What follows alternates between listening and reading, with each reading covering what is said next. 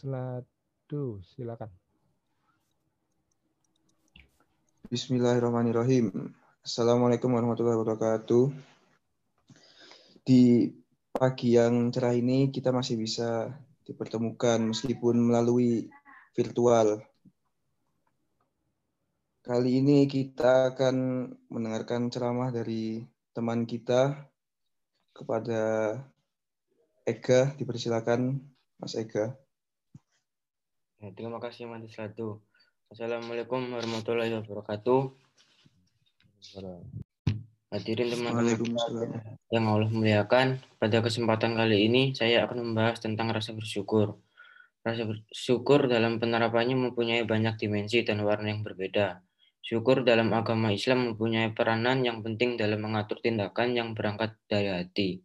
Kalau kita mau melihat fenomena kekacauan yang terjadi pada akhir zaman ini, kita akan mendapat bahwa salah satu akar masalah dari kekacauan tadi adalah kurangnya rasa syukur yang dimiliki oleh manusia dan jauh dari mengingat kematian.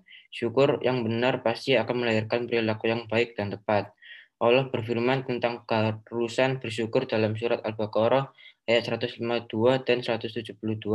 Artinya artinya maka ingatlah kepadaku, aku pun akan ingat kepadamu. Bersyukurlah kepadaku dan janganlah kamu ingkar. Dalam ayat satunya Allah berfirman yang artinya, Wahai orang-orang yang beriman, makanlah dari rezeki yang baik yang kami berikan kepada kamu dan bersyukurlah kepada Allah jika kamu hanya menyembah kepadanya.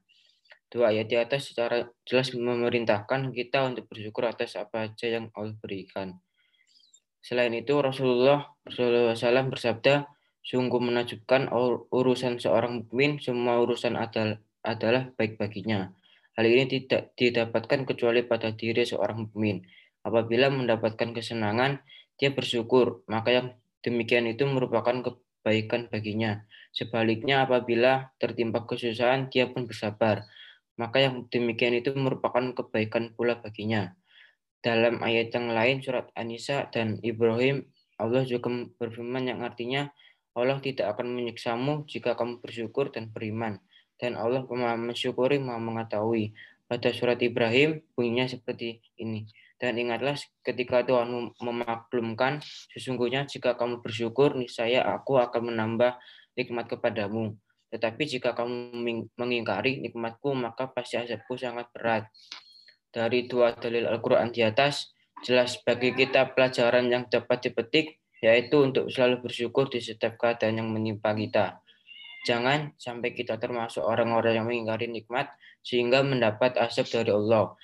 Saya kira cukup sampai di sini majelis ilmu singkat mengenai rasa bersyukur ini. Semoga kita bisa mengamalkan syukur ini dalam setiap sendi kehidupan kita. Amin.